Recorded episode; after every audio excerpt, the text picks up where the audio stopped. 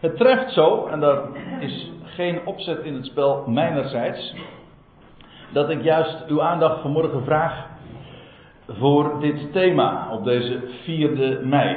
En dat treft dan zo toevallig. Dat valt ons zo toe, zeg ik dan altijd maar. De strijd van het geloof. Wat strijd is, ja, daar worden we dus deze dagen erg bij bepaald. Een dag als vandaag. Waarbij we. Goedemorgen Esther. Pauzeer even.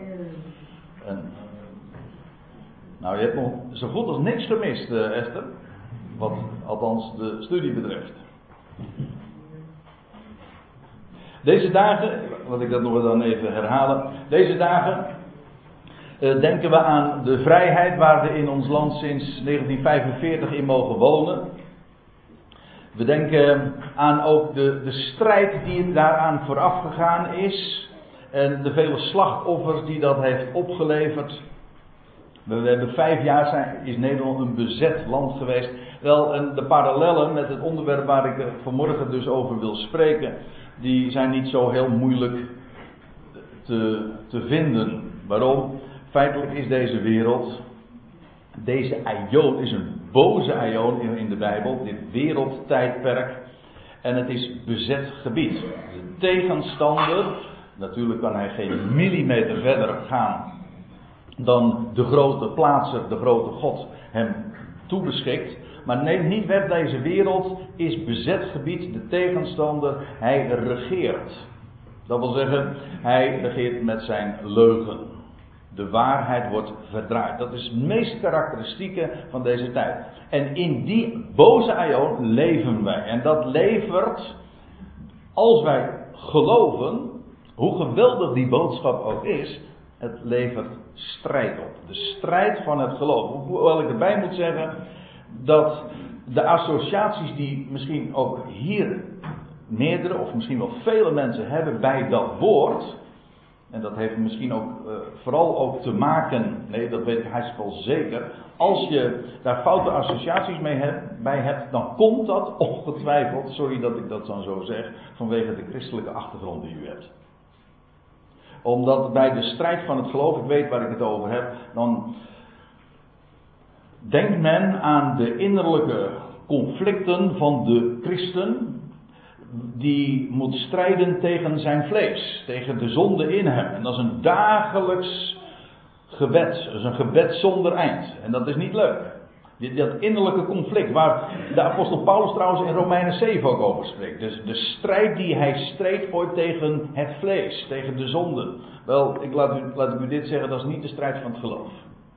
Sterker nog, dat is een strijd van ongeloof. Want als je weet wat het goede bericht is, dan weet je ook dat wij die geloven dood zijn voor de zonde en levend voor God. Wij rekenen daar niet mee. Wij strijden daar niet tegen. Wij leven in geloof. Wij zien op naar Hem.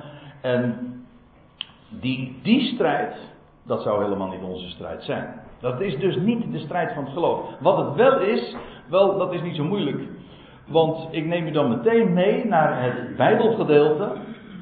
Waar die uitdrukking, die u hier dus ziet als titel, aan ontleend is. En dat is in 1 Timotheus 6. In de eerste plaats. In 1 Timotheus 6, daar lees je in vers 12 dit. Paulus, dit is het einde inmiddels van die brief die Paulus schreef aan Timotheus, zijn medewerker. En dan zegt hij: strijd de goede strijd van het geloof. Waarbij ik, als ik het woord geloof hoor, en ik, je bent ook voldoende onderwezen in de brieven van Paulus, dan weet je, als hij geloof zegt, dan bedoelt hij daarmee het tegendeel van werken. Niet, niet werken, maar geloof. Dat wil zeggen, het aanvaarden van dat goede bericht, die blijde tijding. Het is niet een commando van wat we moeten doen. Nee, het is een, een tijding, een bericht van wie hij is en wat hij doet en wat hij gaat doen. Wel, maar dat brengt een strijd met zich mee. En daarvan zegt Paulus, het is een goede strijd. De ideale strijd. De strijd van geloof. Trouwens, dat woord strijd, in het Engels contest, is het, uh, het woord voor dat ontleent dus ook weer aan de sportwereld. En vandaar ook een uitgebreidere betekenis heeft trouwens bij ons ook. Wij denken bij een strijd, uh, bijvoorbeeld een strijd bij de sport, dan spreken we over een wedstrijd. Maar vervolgens krijgt het een uitgebreidere betekenis, namelijk altijd wanneer je te maken krijgt met weerstand die je moet trotseren, dan is dat een, dan is dat een strijd. Als daar tegenstanders zijn. Van welke aard dan ook. Wel, dat roept geloof op. Maar niet zomaar. En dat wil ik u ook laten zien. Kijk, geloof wil zeggen dat je amen zegt met je hart. Ik kom daar straks nog op terug. Dat je amen zegt met je hart. Maar vervolgens werkt dat ook wat uit. Laat ik u dit gewoon voorlezen. Strijd de goede strijd van het geloof. En dan zegt Paulus nog bij. Grijp het eeuwige leven. Of zoals u ziet, het, le het, het Ionische leven. Bij het eeuwige leven moet u niet denken aan het leven wat nooit ophoudt. Dat, natuurlijk, dat leven houdt niet op. Maar die Ion wel. Het Ionische leven, dat is het leven van de toekomende Ion. Ik heb de tekst er maar even bij vermeld, dan zie je het gewoon expliciet zo staan. Het eeuwige leven, het eeuwige leven, dus het heeft te maken met een eeuw, namelijk de toekomende eeuw, waarin Christus zal heersen. Nu is het nog de boze eeuw, de boze Ion. Straks wordt het de Ion waarin Christus, de zoon van David, zal heersen. Wel, Paulus zegt, grijp dat. Dat wil zeggen, leg je hand daarop, leef daar al in. Waartoe, want daartoe ben je geroepen. Dat is niet waar iedereen toe geroepen is. Ik bedoel, alle mensen zullen het leven ontvangen, maar dat eeuwige leven, dat wil zeggen dat ionische leven, dat is niet voor ieder weggelegd. Dat is een speciaal voorrecht nog weer, daarboven. Maar dat zeg ik er even tussendoor, omdat dat nu eenmaal in dit vers zo staat. Uh, strijd de goede strijd. Grijp dat Ionische leven waartoe gij geroepen zijt. En de goede beleidenis afgelegd hebt voor vele getuigen. En het is opmerkelijk dat hier sprake is van de goede beleidenis. En dat loopt natuurlijk parallel met de goede strijd van het geloof. Waarvan een, uh, eerder in dezezelfde zin sprake was. En wat Paulus hier aan, eh, Paulus Timotheus aan eh, herinnert, is het feit dat hij zelf niet alleen maar geloofde, maar daar ook van sprak. Want dat is wat beleiden is. Beleiden wil zeggen, je komt uit voor dat wat je gelooft. En op het moment dat je dat doet, je spreekt van dat wat er in je is, het woord beleiden, dat is wel grappig om dat even in dit geval ook te, aan te herinneren. Dat woord beleiden in het Grieks, dat is homologia. En dat homo, dat betekent hetzelfde.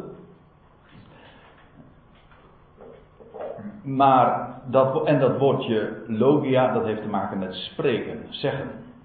Dus eigenlijk, dat woord beleiden betekent letterlijk, als je het in in in zijn Griekse componenten zeg maar, ontleedt, dan zeg je daarmee hetzelfde zeggen. Beleiden is hetzelfde zeggen, dat wat er in je hart is. Dat wat je gelooft, je spreekt dat uit. En dat is die goede beleidenis. Namelijk dat wat je gelooft, wat je aanvaardt van Gods wegen. Wel, op het moment dat je daarvan gaat spreken, roept dat strijd op. Zwijgt niet, maar als je ervan spreekt, dan roept dat strijd op. En Paulus zegt dat is een goede strijd.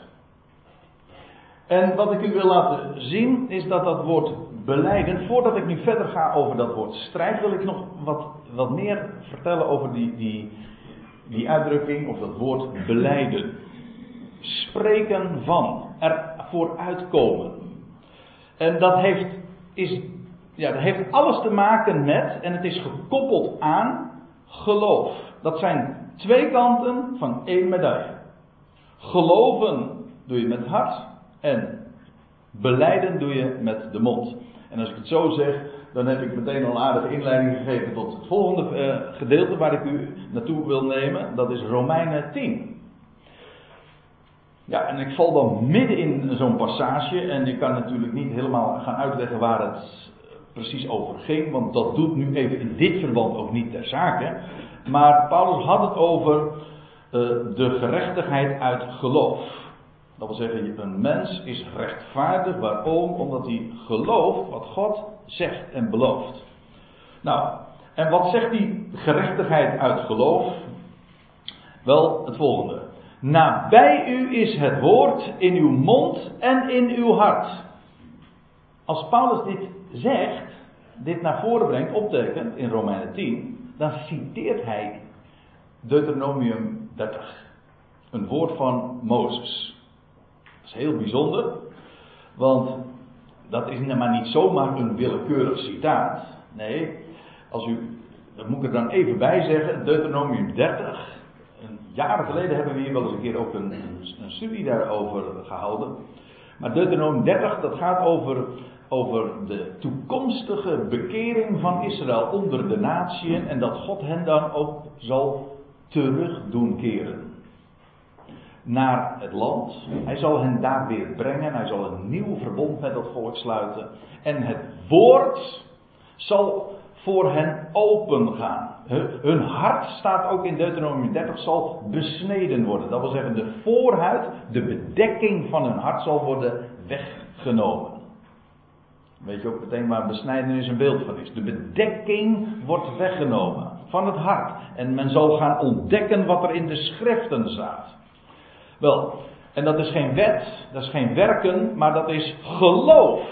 Namelijk een tijding, een bericht. Dat is de grote clue in het hele evangelie. Het is niet een last die de mens wordt opgelegd. Dat moet jij doen, dat is werken. Maar het is, spreek van Iets wat je alleen maar kan aanvaarden. Het enige wat je ermee kunt doen is geloven, beamen. Het is een tijding. Wel, in dat verband uh, haalt Paulus dus juist uh, dit gedeelte aan. Nabij u is het woord. In uw mond en in uw hart. Niet, kijk, als het te maken heeft met werken, dan gaat het al gauw over handen en voeten geven. Hoe vaak hoor ik dat niet? Maar het gaat niet om handen en voeten, Natuurlijk heeft dat daar vervolgens wel zijn uitwerking, dat zal ongetwijfeld. Maar het woord dat is in je hart. Het woord komt in je hart en vervolgens is in je mond. Of zoals het hier staat, het is in je mond en vandaar ook in je hart. Vergelijk het met eten. Je neemt dat in de mond en vervolgens komt het daar binnen. Wel, in wezen is dat ook met het woord het geval. Die connectie tussen hart en mond zie je iedere keer. Romeinen 10 is daar een heel vrij voorbeeld van, maar als Paulus dat dan ook aanhaalt in Deuteronomium 30, is dat niet voor niks.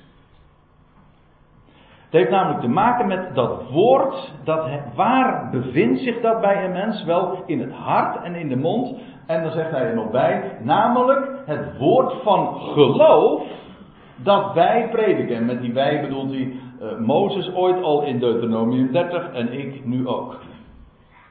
Namelijk geloof. Ik lees even verder in datzelfde Romeinen 10, het negende vers. Want indien gij met uw mond beleidt dat Jezus Heer is, hier zie je het, het beleiden heeft alles te maken met de mond. Wel, indien gij met uw mond beleidt dat Jezus Heer is, wat betekent dat? dat hij Heer is, hij betekent hij is Curios. Hij is de rechthebber, hij is de eigenaar. Van wie? Ja, als je dat vraagt aan uh, de, de gemiddelde kerkmens, dan krijg je wellicht het antwoord van nou, als, je, als jij tot geloof komt, als jij hem beleidt, als jij hem gaat aanvaarden, dan wordt hij jouw Heer. Dus dan eerst een actie van onze kant en dan wordt Hij jouw Heer. Vandaar ook dat, ik, ik heb ooit wel zo'n evangelisatiefolder ook in mijn handen gekregen. Dat heet dan evangelisatiefolder. Maar dat was, is Hij ook uw Heer? Dat, dat was dan de grote vraag. Is Hij uw Heer? Nou, dat is de vraag helemaal niet. Dat zou de boodschap moeten zijn. Hij is uw Heer. Ik kan dat tegen er zitten er geen 6 miljard, maar ik kan dat tegen 6 miljard mensen ongeveer hier op aarde zeggen. Gewoon ongezien. Hij is jouw, uw, hoe je ook maar aangesproken wenst te worden, jouw Heer. Je bent, dat betekent, je bent van Hem. Bent u zijn eigendom? Het antwoord is, dat is geen vraag die je aan de mens voorlegt. Dat is de boodschap die je hebt. Hij is jouw Heer. Je bent van Hem. Je bent gekocht en betaald. Hij is jouw Heer. En als u niet geloven wil, dan moet u dat even lezen in twee versen verder, of drie versen verder. Hoofdstuk 10, hetzelfde hoofdstuk dus, vers 12. Daar staat: Hij is Heer van allen. Moet u het wel lezen in de Statenvertaling trouwens, want in de MBG-vertaling die hebben, hebben ervan gemaakt: Hij is Heer over allen. Staat er niet, Hij is Heer van allen. Dat wil zeggen, Hij is jouw Heer. En, hij, en dat komt tot je, de rijkdom daarvan komt tot je, inderdaad, als je dat erkent. Dat is waar. Maar Hij is jouw Heer. En op het moment dat de mens dat gelooft, dat is wat hier staat. Nou, laten we eerst nog even verder lezen. Want indien gij met uw mond beleidt dat Jezus Heer is. Overigens, we weten, elke tong gaat dit getuigen. Dat staat dan weer niet in Romeinen 10, maar wel in Romeinen 14, ook in Filippenzen 2. Elke tong zal buigen. Nou, moet je mij horen. Uh, dan moet je niet uh, dingen door elkaar halen. Elke knie gaat. Elke knie zal buigen en elke tong zal beleiden. Dat is hetzelfde woord. Nou, het is nog een, het is nog een sterker woord zelfs. Ex-homologeo. Dat wil zeggen, het komt van binnenuit. Elke tong zal beleiden dat Hij Heer is, tot eer van God de Vader. Elke tong zal, al die miljarden mensen, misschien die het nog nooit, verreweg de meeste mensen hebben het nog nooit gehoord. Dat is echt zo. En de, grote ellende is in de kerk krijgen ze het in ieder geval al niet horen.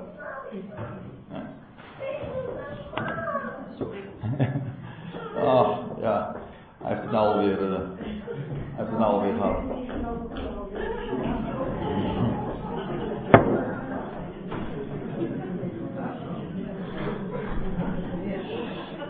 Priscilla moet het later nog maar eens nabeluisteren. Ja. En de zoontje misschien ook. Elke tong zal dit getuigen. Dat vind ik geweldig. Of ze het nu gehoord hebben, of ze er nou van willen weten. Eens zal niet alleen iedereen dat toegeven. Nee, van harte zeggen, zingen en getuigen. Wie, wie dan ook. Heerlijk. Dat kijk, dat is nou een blijde tijding. Daar hangt geen prijskaartje aan, daar hangt geen voorwaarde. Maar als je dat nu al kent, ja, dan, dan is die behoudenis nu al jouw deel. Indien je met uw mond beleidt dat Jezus Heer is en met uw hart gelooft. Zie je? Je gelooft niet met de mond. Nee, met de mond beleid je. Met je hart geloof je. Van binnen. Dat is, geloof zit, is niet aan de buitenkant. Het is niet zo van een gelovige is iemand die zegt dat hij een gelovige is. Nee, geloven zit aan de binnenkant. Het heeft te maken met vertrouwen. Het heeft te maken met ja, je denken, met, dat, met je overtuiging, met wat erin zit. Mensen zeggen van, iedereen die, uh, die het, zegt het te geloven is een gelover. Nou, dat is onzin natuurlijk, want dat is geen geloof met het hart. Dat is als alles in je zegt, yes, zo is dat. Dat is geloven met het hart. En met je hart geloof dat God hem uit de doden heeft opgewekt. Feitelijk staat hij twee keer hetzelfde. Indien gij met uw mond beleidt dat Jezus Heer, Heer is, hoe is hij Heer geworden? Wel, doordat, hij uit dat, doordat God hem uit de doden heeft opgewekt. Zo staat het ook in, in Handelingen 2, dan zegt Petrus het zo, dat God hem tot Heer en tot Christus gesteld heeft door hem te doen opstaan uit de doden. Met de mond beleid je dat, dat hij Heer is, maar daarmee geef je aan dat, hij, dat God hem uit de doden heeft opgewekt. Let op, God heeft hem uit de doden opgewekt. Hij is een mens, hij was dood. En als God hem niet had opgewekt, was hij nog dood geweest. Als je dat met je van harte gelooft, dan staat er, uh, dan vervolgens, dan zult gij behouden worden. Dat is geen voorwaarde trouwens, maar het is de wijze waarop God behoudt. Ik kom daar straks uh, aan het einde van deze samenkomst nog even op terug. Maar daar staat er dan ook expliciet dat God allen behoudt. Maar hoe behoudt God dan? Hoe doet hij dat? Is daar een voorwaarde aan verbonden? Nee. Hij geeft, hij, hij geeft geloof, hij overtuigt een mens. Maar hoe behoudt God? Wel, dat doet hij doordat hij een mens doet geloven en overtuigt. En als je overtuigd bent, wat doe je dan? Als je van harte gelooft, wat, wat is de consequentie daarvan? Dat is wat ik nu uh, ook vooral vanuit dit vers ook wil laten zien. De consequentie daarvan is dat je daarvan gaat spreken. Dat is een, een volkomen logisch proces. Iedereen weet dat dat zo werkt. Als je, waar het hart vol van is, zeggen wij dan, daar loopt de mond van over. In Marcus, nou welk hoofdstuk weet ik even niet zo uit het hoofd, maar er staat ergens dat uit de overvloed des harten spreekt de mond. Natuurlijk, als, de, als hart geraakt is, als je een blijde tijding hebt gehoord, je bent over iets zo blij wat je gehoord hebt. Wat doe je dan? Hou je dat voor je? Nee, natuurlijk niet. Dan moet je, sterker nog, je moet moeite doen om dat, uh, om dat in te houden. Ik weet wel, niet altijd is het ge, geëigende moment om daarover te spreken, maar dat kost moeite. Het natuurlijke verloop is, dat je daar expressies spreken we dan over. Het, het drukt zich uit. Het moet eruit. Dat is wat geloof is. Bij Paulus is geloof ook vandaar levend geloof. Geloof is maar niet van, uh, ik geloof het wel. Dat is, dat is erkennen van, het zal wel zo zijn, maar ach, uh, boeien. Kijk, dat is toegeven dat het zo is en misschien zelfs niet onderuit kunnen, maar dan is het hart niet geraakt. Op het moment dat het hart geraakt is, spreek je erover. En dat is wat Paulus hier ook laat zien. Het zijn twee dingen. Geloven doe je met het hart. En de consequentie daarvan is dat je daar inderdaad van spreekt. Het is heerlijk om het te geloven. Het is nog veel geweldiger juist om dat ook uit te spreken. Om dat te delen en daar ook niet alleen maar met anderen daar, dat gemeenschappelijk te hebben. Maar om daarover te spreken, om het bekend te maken. Een, dat is trouwens ook wat een bericht is. Een bericht is iets wat, wat gehoord wordt en wat vervolgens ook weer doorverteld wordt. Zeker als het een goed bericht is. Ja, ik, wat ik ermee wil zeggen is, bij geloven, geloven bij Paulus, laat ik het anders zeggen, geloven bij Paulus dat is levend geloof. Ook sprekend geloof. Dat wil zeggen, je komt er vooruit. Ik zal u een nog een schriftplaats uh, laten zien. Daarin zie je dat er ook zoiets bestaat als doodgeloof. Johannes 12.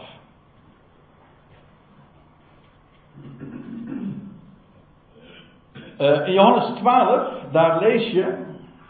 En toch geloofden zelfs uit de overste velen in hem. Dat is. Nou, verplaats ik u net naar uh, het in, naar de week dat de Heer Jezus zou worden overgeleverd. En dan lees je inderdaad, velen van de oversten geloofden in hem. Dat wil zeggen, ze wisten dat het waar was wat hij claimde. Ze konden daar niets tegen inbrengen. Maar was dat levend geloof? Le levend geloof, wat is levend geloof? Dat is hetzelfde als levend water. Wat is levend water? Dat is dat water dat stroomt, nietwaar? Wel, levend geloof is ook geloof dat stroomt. Waarom is de dode zee de dode zee? Omdat er, er komt weliswaar levend water in, maar het, het kan er niet uit en daardoor is die zee zo dood als een pier. Er kan ook helemaal niks in leven. Het, het, het, water stroomt niet door. Levend geloof wil zeggen, het komt erin en het gaat er weer uit. Dat is wat het is. Dat is wat geloven is. Dat wil zeggen, geloven met het hart. Deze mensen van deze overs, die geloofden het wel, maar die geloofden het wel. Dat was niks zeggend geloof. Dus. Ik bedoel dat letterlijk zoals ik het nu zeg. Niks zeggend geloof. Want wat lees je dan? Eh, ze geloofden in hem, maar ter wille van de fariseeën kwamen zij er niet vooruit. En wat hier staat in de MBG-vertaling, als u, ik meen dat in de Statenvertaling staat er het woordje beleiden. En dat klopt, want letterlijk staat er, ze beleden het niet. Kijk, dit is een voorbeeld van geloof dat niet in het hart zit. Als het in het hart zit, moet het eruit. Deze mensen wisten dat het waar was, maar ze geloofden het wel. Dat is niet wat, dat is niet wat geloof is. Namelijk een zaak van het hart. Ze kwamen er niet vooruit, waarom niet? Ja, uh, om niet uit de synagoge te worden gebannen. Kijk, en hier komen nou twee dingen bij elkaar. Want op het moment dat je beleidt dat wat je gelooft, dan brengt dat strijd met zich mee. Altijd. Dat kan niet missen. En vooral in een godsdienstige context. Niet alleen hoor. Natuurlijk, ik weet wel, op het moment dat je in de wereld, gewoon seculier bedoel ik, niet godsdienstig, uitkomt voor je geloof, weet je, dan brengt het ook strijd met zich mee, maar vooral je wordt een soort dorpsgek. Nou, misschien overdrijf ik het nu, maar in elk geval, het is dwaasheid. Geloven dat God iemand, een dood iemand, uit de doden heeft opgewekt, dat kan toch niet. Hoewel mensen natuurlijk aan de andere kant ook weten dat God er is. En als je weet dat God er is, ja, dan weet je ook dat er niks onmogelijk is. Maar dat gaat zo ver. Ik denk aan, aan, aan Paulus die ooit op de Areopagus stond. En die hen vertelde over de God die zij niet kenden. Ja, en maar toen hij ging spreken. En hij kon zijn verhaal doen. En toen, zolang hij sprak over God die alles plaatst. En die al de Almachtige is, de schepper van hemel en aarde. Toen hoorden ze hem aan en dat konden ze ook niet weerleggen. Maar op het moment dat hij ging spreken dat God Jezus uit de doden, een man uit de doden heeft opgewekt. Toen, toen zeiden ze tegen hem: We horen u hier nog wel over eens een keer. Met andere woorden, we geloven het wel. Hm? Ga nou maar weer verder. Dan ben je gewoon dwaas. Het is een dwaasheid. Maar het is een ergernis. Het is een struikelblok. Het is een bron van nijd en van tegenstand in de godsdienstige, binnen de orthodoxie. Hier lees je, dit is een prachtig voorbeeld in De synagoge, moet u nagaan. Een plaats dus waar wekelijks op elke sabbat de Bijbel, de Tenach in die dagen, open ging. Waar dat bestudeerd werd. Waar men altijd bezig was met de woorden Gods. Die men geloofde. Ja, maar nou kwam er iemand en die wees hen op de schriften. En ze konden er niet onderuit dat hij het was. En wat. Maar dat matchte niet met de traditie. En als mensen ervoor uit zouden komen vooral de overste zelf. Ja, zij die zelf een aanzien hadden. Dan was het helemaal wat. Als, als, jij daar een rabbijn was. Of iemand met een bepaalde status, een bepaald ambt. En je zei in de synagoge zou je ervoor uitkomen. Hem te geloven. Ja, nou dan was het met je gedaan. Dan, was je, dan is daar het gat van de deur. Je kunt er gewoon uit. Dan word, je uit de synagoge gebannen. Dus dat is eigenlijk in het Grieks is één woord. Uit, dan word je eruit gesynagoogd. Ja. En dat is. En dat is opmerkelijk. En mensen zeggen dan van ja, dat was toen hè. Ik, ver, ik vind het wel grappig. Hoe is het toch mogelijk? Zeg, eh, ik heb het eh, vaker eh, gehoord, ik heb meer dan eens ook gelezen dat mensen zich erover verbazen. Ja, hoe was het? in de dagen van het Nieuwe Testament, dat Jezus daar kwam. Dat was later ook met de apostelen en met Paulus. Ze kwamen met het woord en ze geloofden het niet. Wat een, dwa, wat een, nee, ja, wat een dwaasheid, maar ook wat een, wat hoe blind kon men dan zijn. Het, het was zo duidelijk. En, en hoe kon het daar in die context op zoveel weerstand stuiten? Nou, het antwoord is niet zo moeilijk. Het stond namelijk haaks op de traditie. Daarom. En degene die er vooruit kwamen, kijk, deze mensen, die oversten die in hem geloofden, maar er niet vooruit kwamen, die hadden geen probleem. Nou ja, misschien hun geweten klaagde eraan, maar ze hadden geen probleem. Het probleem ontstond op het moment dat, je hem, dat ze hem zouden beleiden, er vooruit zouden komen. Want dan heb je ineens strijd. Zolang je gewoon je mond houdt, ik wou iets anders zeggen, zolang je je mond houdt, geen probleem, heb je geen strijd. Als je geen strijd wil, dan heb ik u een heel goed advies bij deze voor u. Hou je mond. Hou je mond. Ja, maar als je niet je mond houdt, dan krijg je dus dit. Dan word je eruit geknikkerd. Uitgezien hoofd. Maar degene die zich erover verbazen dat het toen, dat mensen toen zo blind was, wat dacht u nou? Dat het vandaag anders zou zijn? Het feit dat men zich erover verbaast, geeft aan dat je het niet begrijpt. Want je zou het moeten herkennen. Want het volk dat zich vandaag gewoon de erfgenaam waant van dat volk. Wij zijn de, eh, de kerk is in de plaats van Israël gekomen. Exact hetzelfde proces is weer in werking gedreven. Ook daar heeft de traditie de mensen verblind. Zodat ze het evangelie absoluut niet kunnen zien. Sterker nog, als je het gelooft. Nou nee, als je er vooruit komt, dan is daar het gat voor de deur. Ik je trouwens nog een voorbeeld geven, want in Johannes 9 vind je vrijwel exact hetzelfde fenomeen. Hier in Johannes 12 gaat het dus over de overste. Dat was helemaal moeilijk. En dat is vandaag nog steeds zo hoor. Als jij een, binnen een, een, de, de christelijke context, binnen de orthodoxie, een naam hebt. En je gelooft het evangelie, gewoon het evangelie, die boodschap.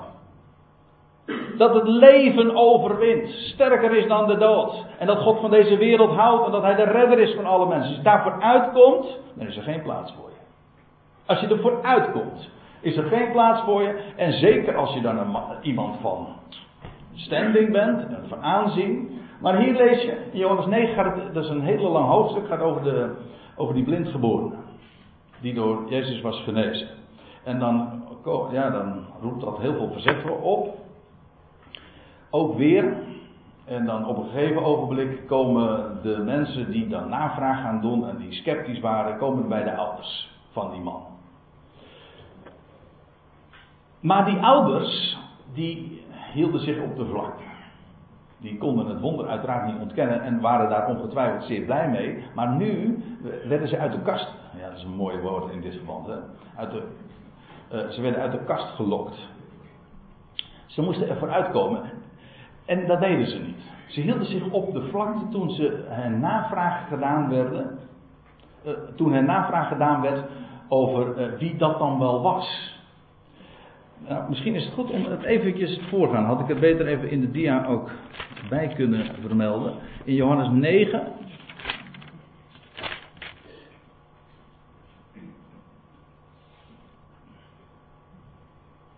Nou, ik lees even vanaf vers 18. De, de Joden dan geloofden niet van hem dat hij blind geweest was en ziende geworden was. Totdat, de ouders geroepen, totdat zij de ouders geroepen hadden van hem die ziende geworden was. En zij vroegen hun en zeiden: Is dit uw zoon, van wie gij zegt dat hij blind geboren is? Hoe kan hij dan nu zien? En zijn ouders antwoordden en zeiden: Wij weten dat dit onze zoon is en dat hij blind geboren is. Maar hoe hij nu zien kan, weten wij niet. En wie zijn ogen geopend heeft, weten wij niet. Vraag het hem zelf. Hij heeft zijn leeftijd. Hij zal voor zichzelf spreken. En dan staat er in vers 11.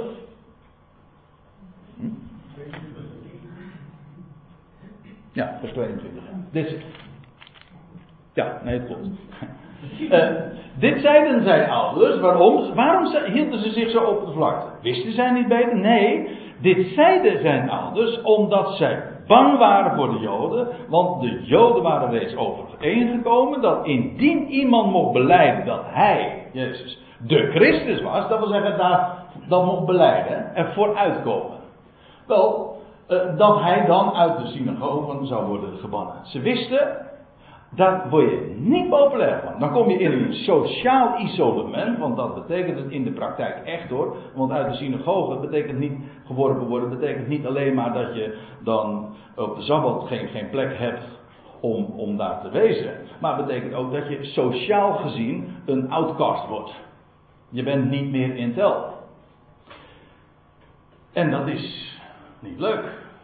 Dat is niet aardig. Als jij van de gemeenschap van de mensen houdt en je houdt van, van alles wat daarbij komt, van de festiviteiten, van de, hele omgang, de, alles wat het met zich meebrengt. Om dat allemaal aan de kant te schuiven. Gewoon om er vooruit te komen. Dat levert strijd op. Wanneer levert het strijd op? Wanneer je het beleidt. Wel, en zij hebben gewoon berekenend gedacht van nou laten we dat maar niet zeggen. Daarmee ook aangevend, ze wisten het wel, maar ze geloofden het wel. In de zin dus van, ze geloofden het niet van harte. Waarmee je dus ziet dat zolang je niet beleidt, dat het geen strijd met zich meebrengt. En dan koppel ik het meteen weer even terug naar 1 Timotheus 6, waar Paulus zegt van strijd de goede strijd. En vervolgens leg de goede beleidenis af. Die twee horen bij elkaar. Ik neem u nog mee naar een paar andere schriftplaatsen. Filippi 1.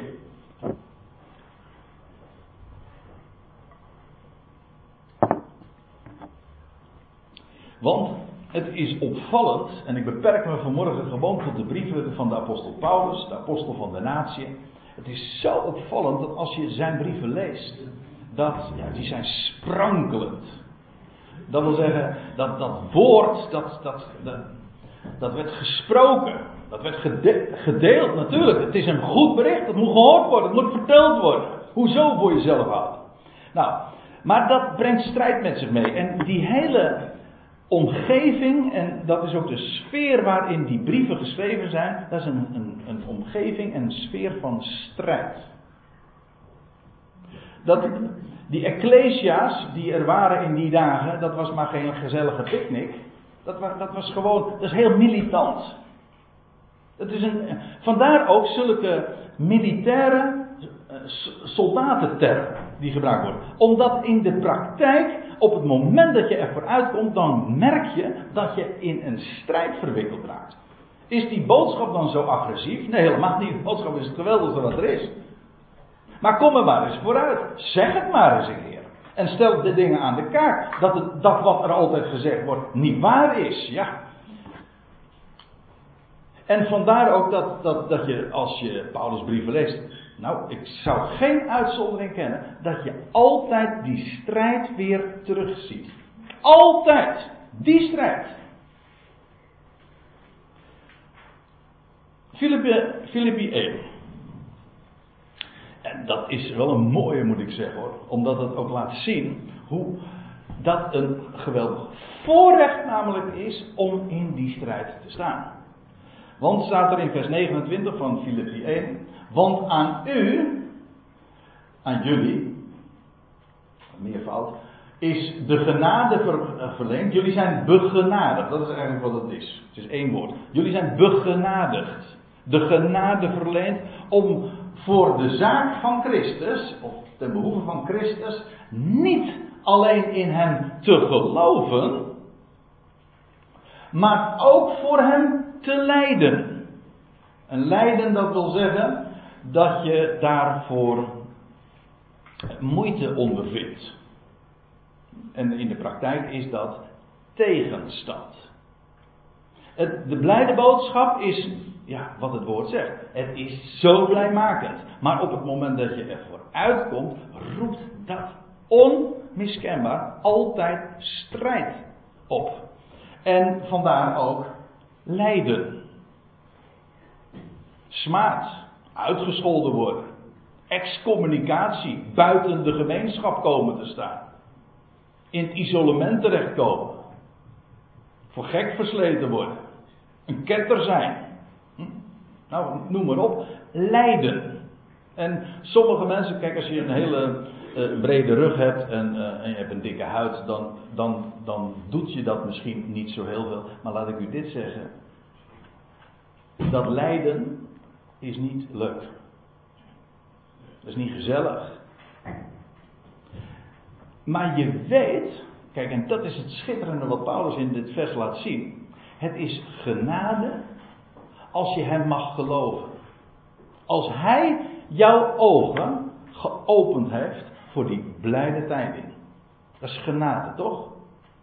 Is dat, is toch geen eigen, dat is toch geen eigen werk als je, als je dat mag zien? Ik denk wel eens een waarom mag ik het zien en zoveel anderen niet?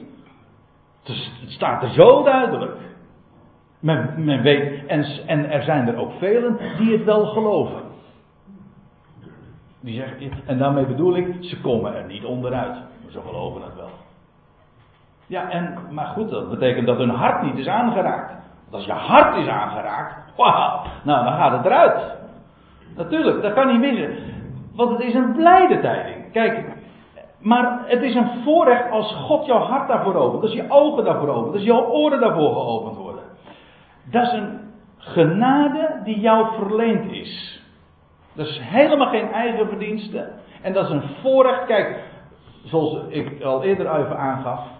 Elk mens valt dit uiteindelijk ten deel. Deze genade. Dat je het zult zien. Het zal onderkennen. Zal erkennen. Zal beleiden. Blijft daarvan getuigen. Iedereen.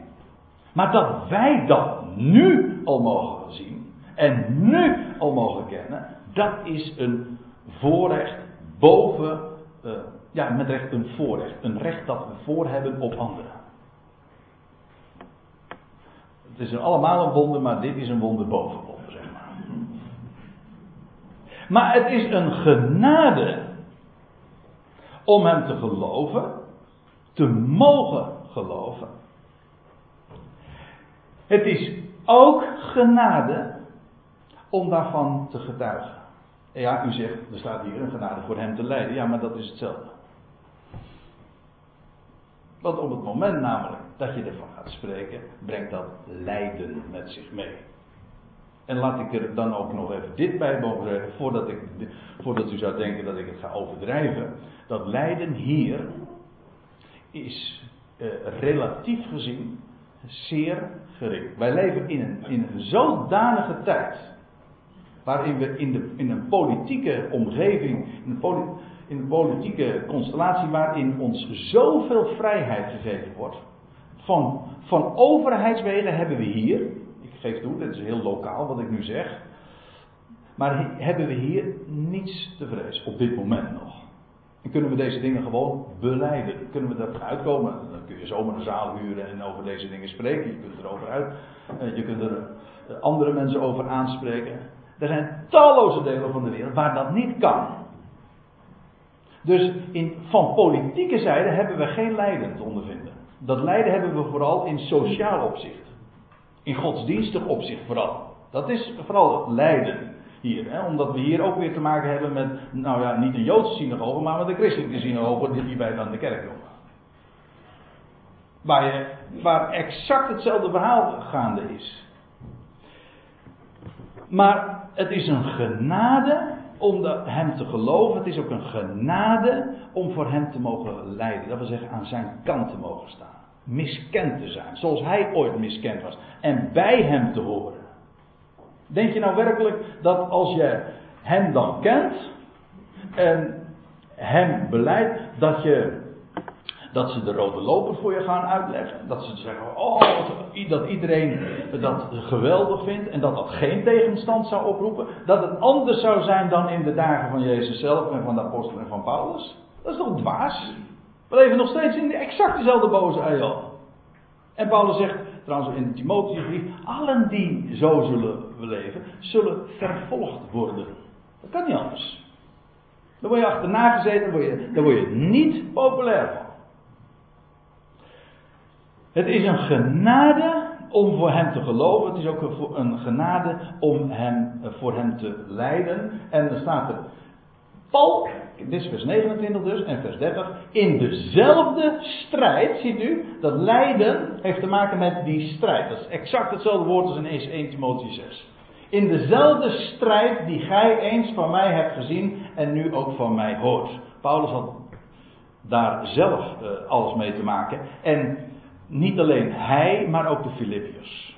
Zij deelden zeg maar in zijn lot. Zij, zij stonden voor de boodschap die hij uitdroeg. En hadden daarmee ook te, te maken met dezelfde strijd. Hier zie je het weer. Strijd heeft te maken met het lijden, het heeft te maken met het uitkomen voor dat wat je mag geloven. Dat is genade.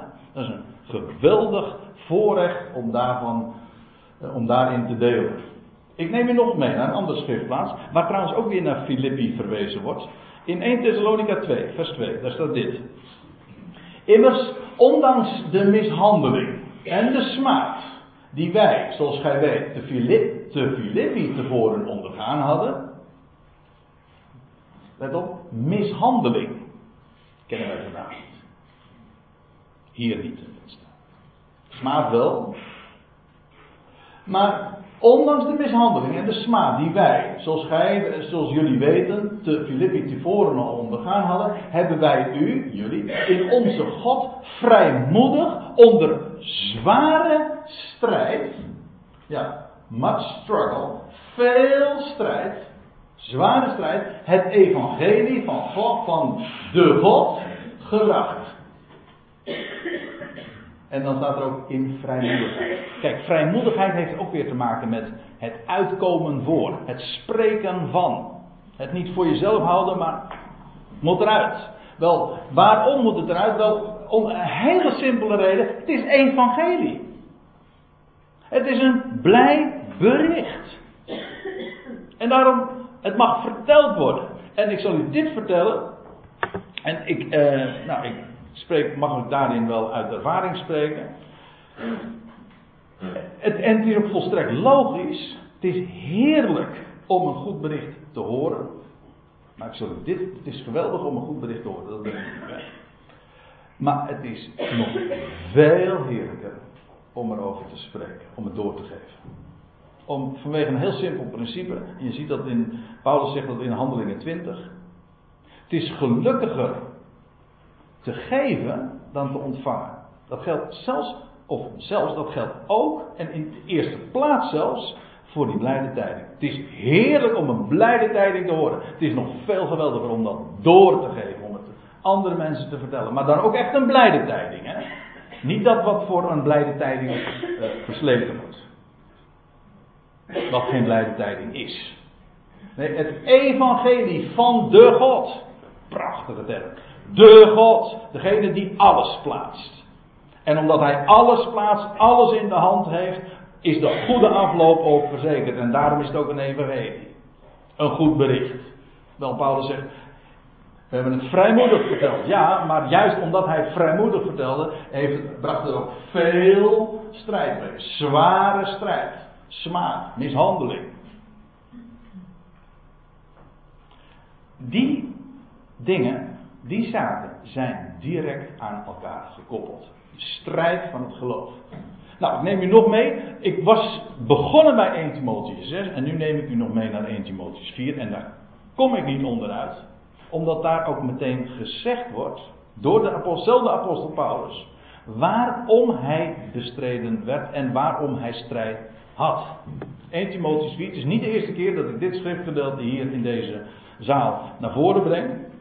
Maar het heeft alles te maken met die goede strijd waar 1 Timotheus 6 van spreekt.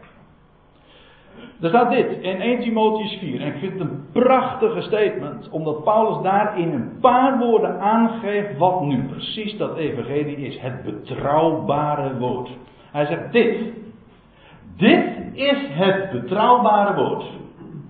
En alle aanneming waard. Vandaar dus ook dat het eruit moest. Ja, het is een betrouwbaar woord, het is solide en bovendien het is ook het waard om aangenomen te worden, om aanvaard te worden, om onderkend te worden, om te horen. Dat is een blijde tijding.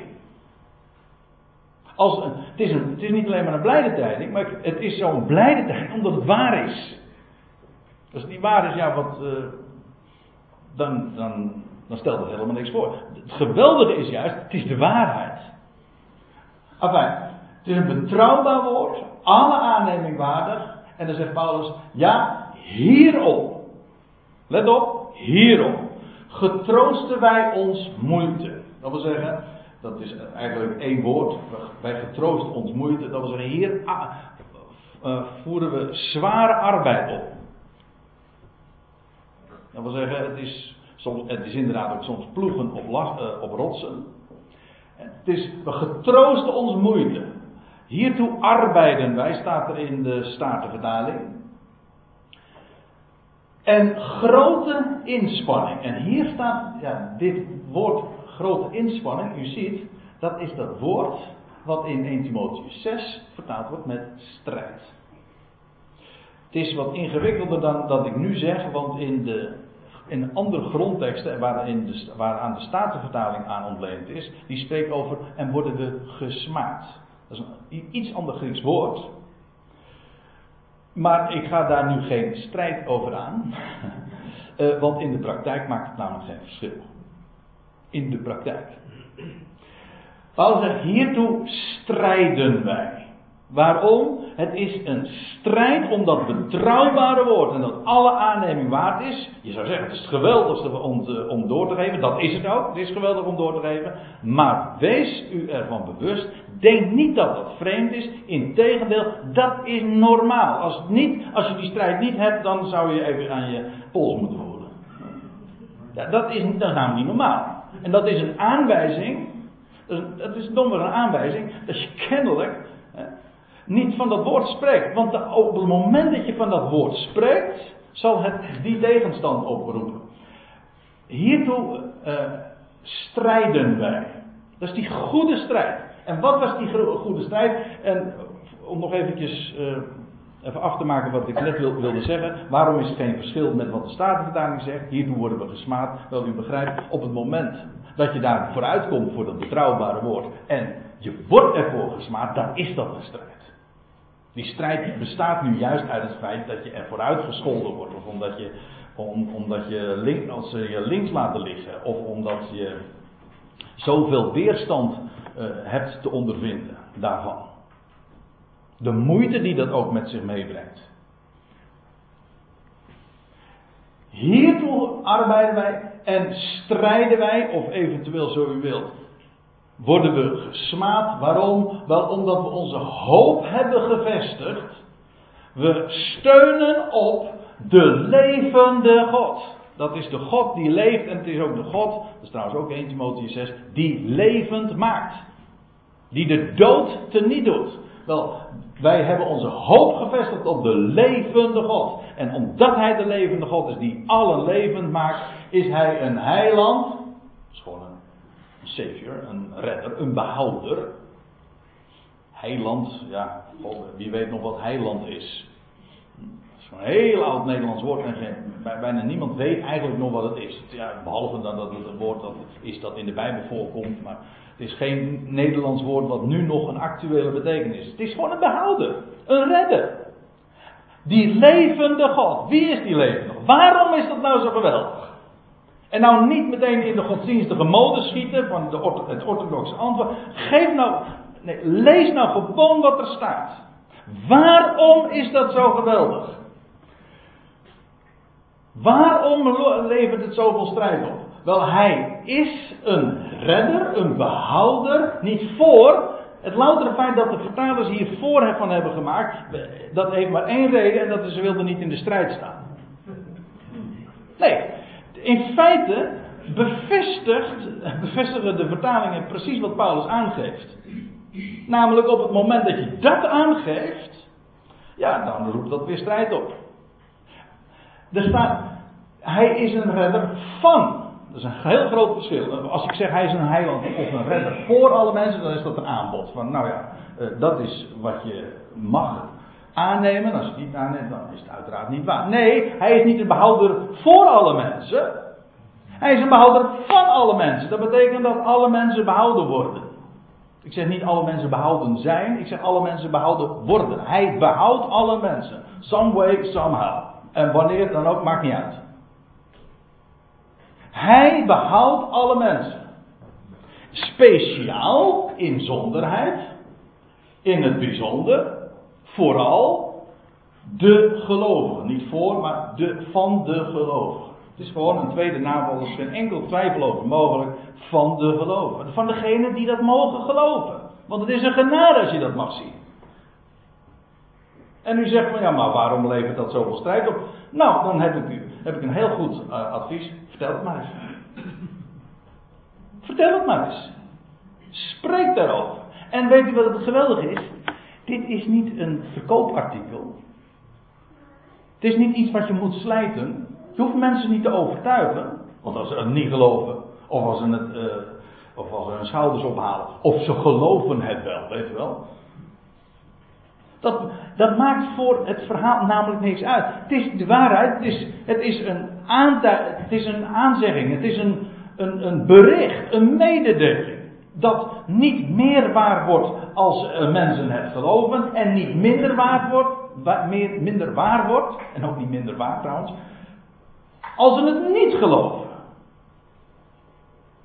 Het is een blijde tijding. Hij is de behouder. Van jou, van jou, al die miljarden mensen van deze hele wereld. En of je nou gelooft of niet. Maar als je het gelooft, dan ben je in het bijzonder. Want dan hoor je bij de bevoorrecht, bij de happy few.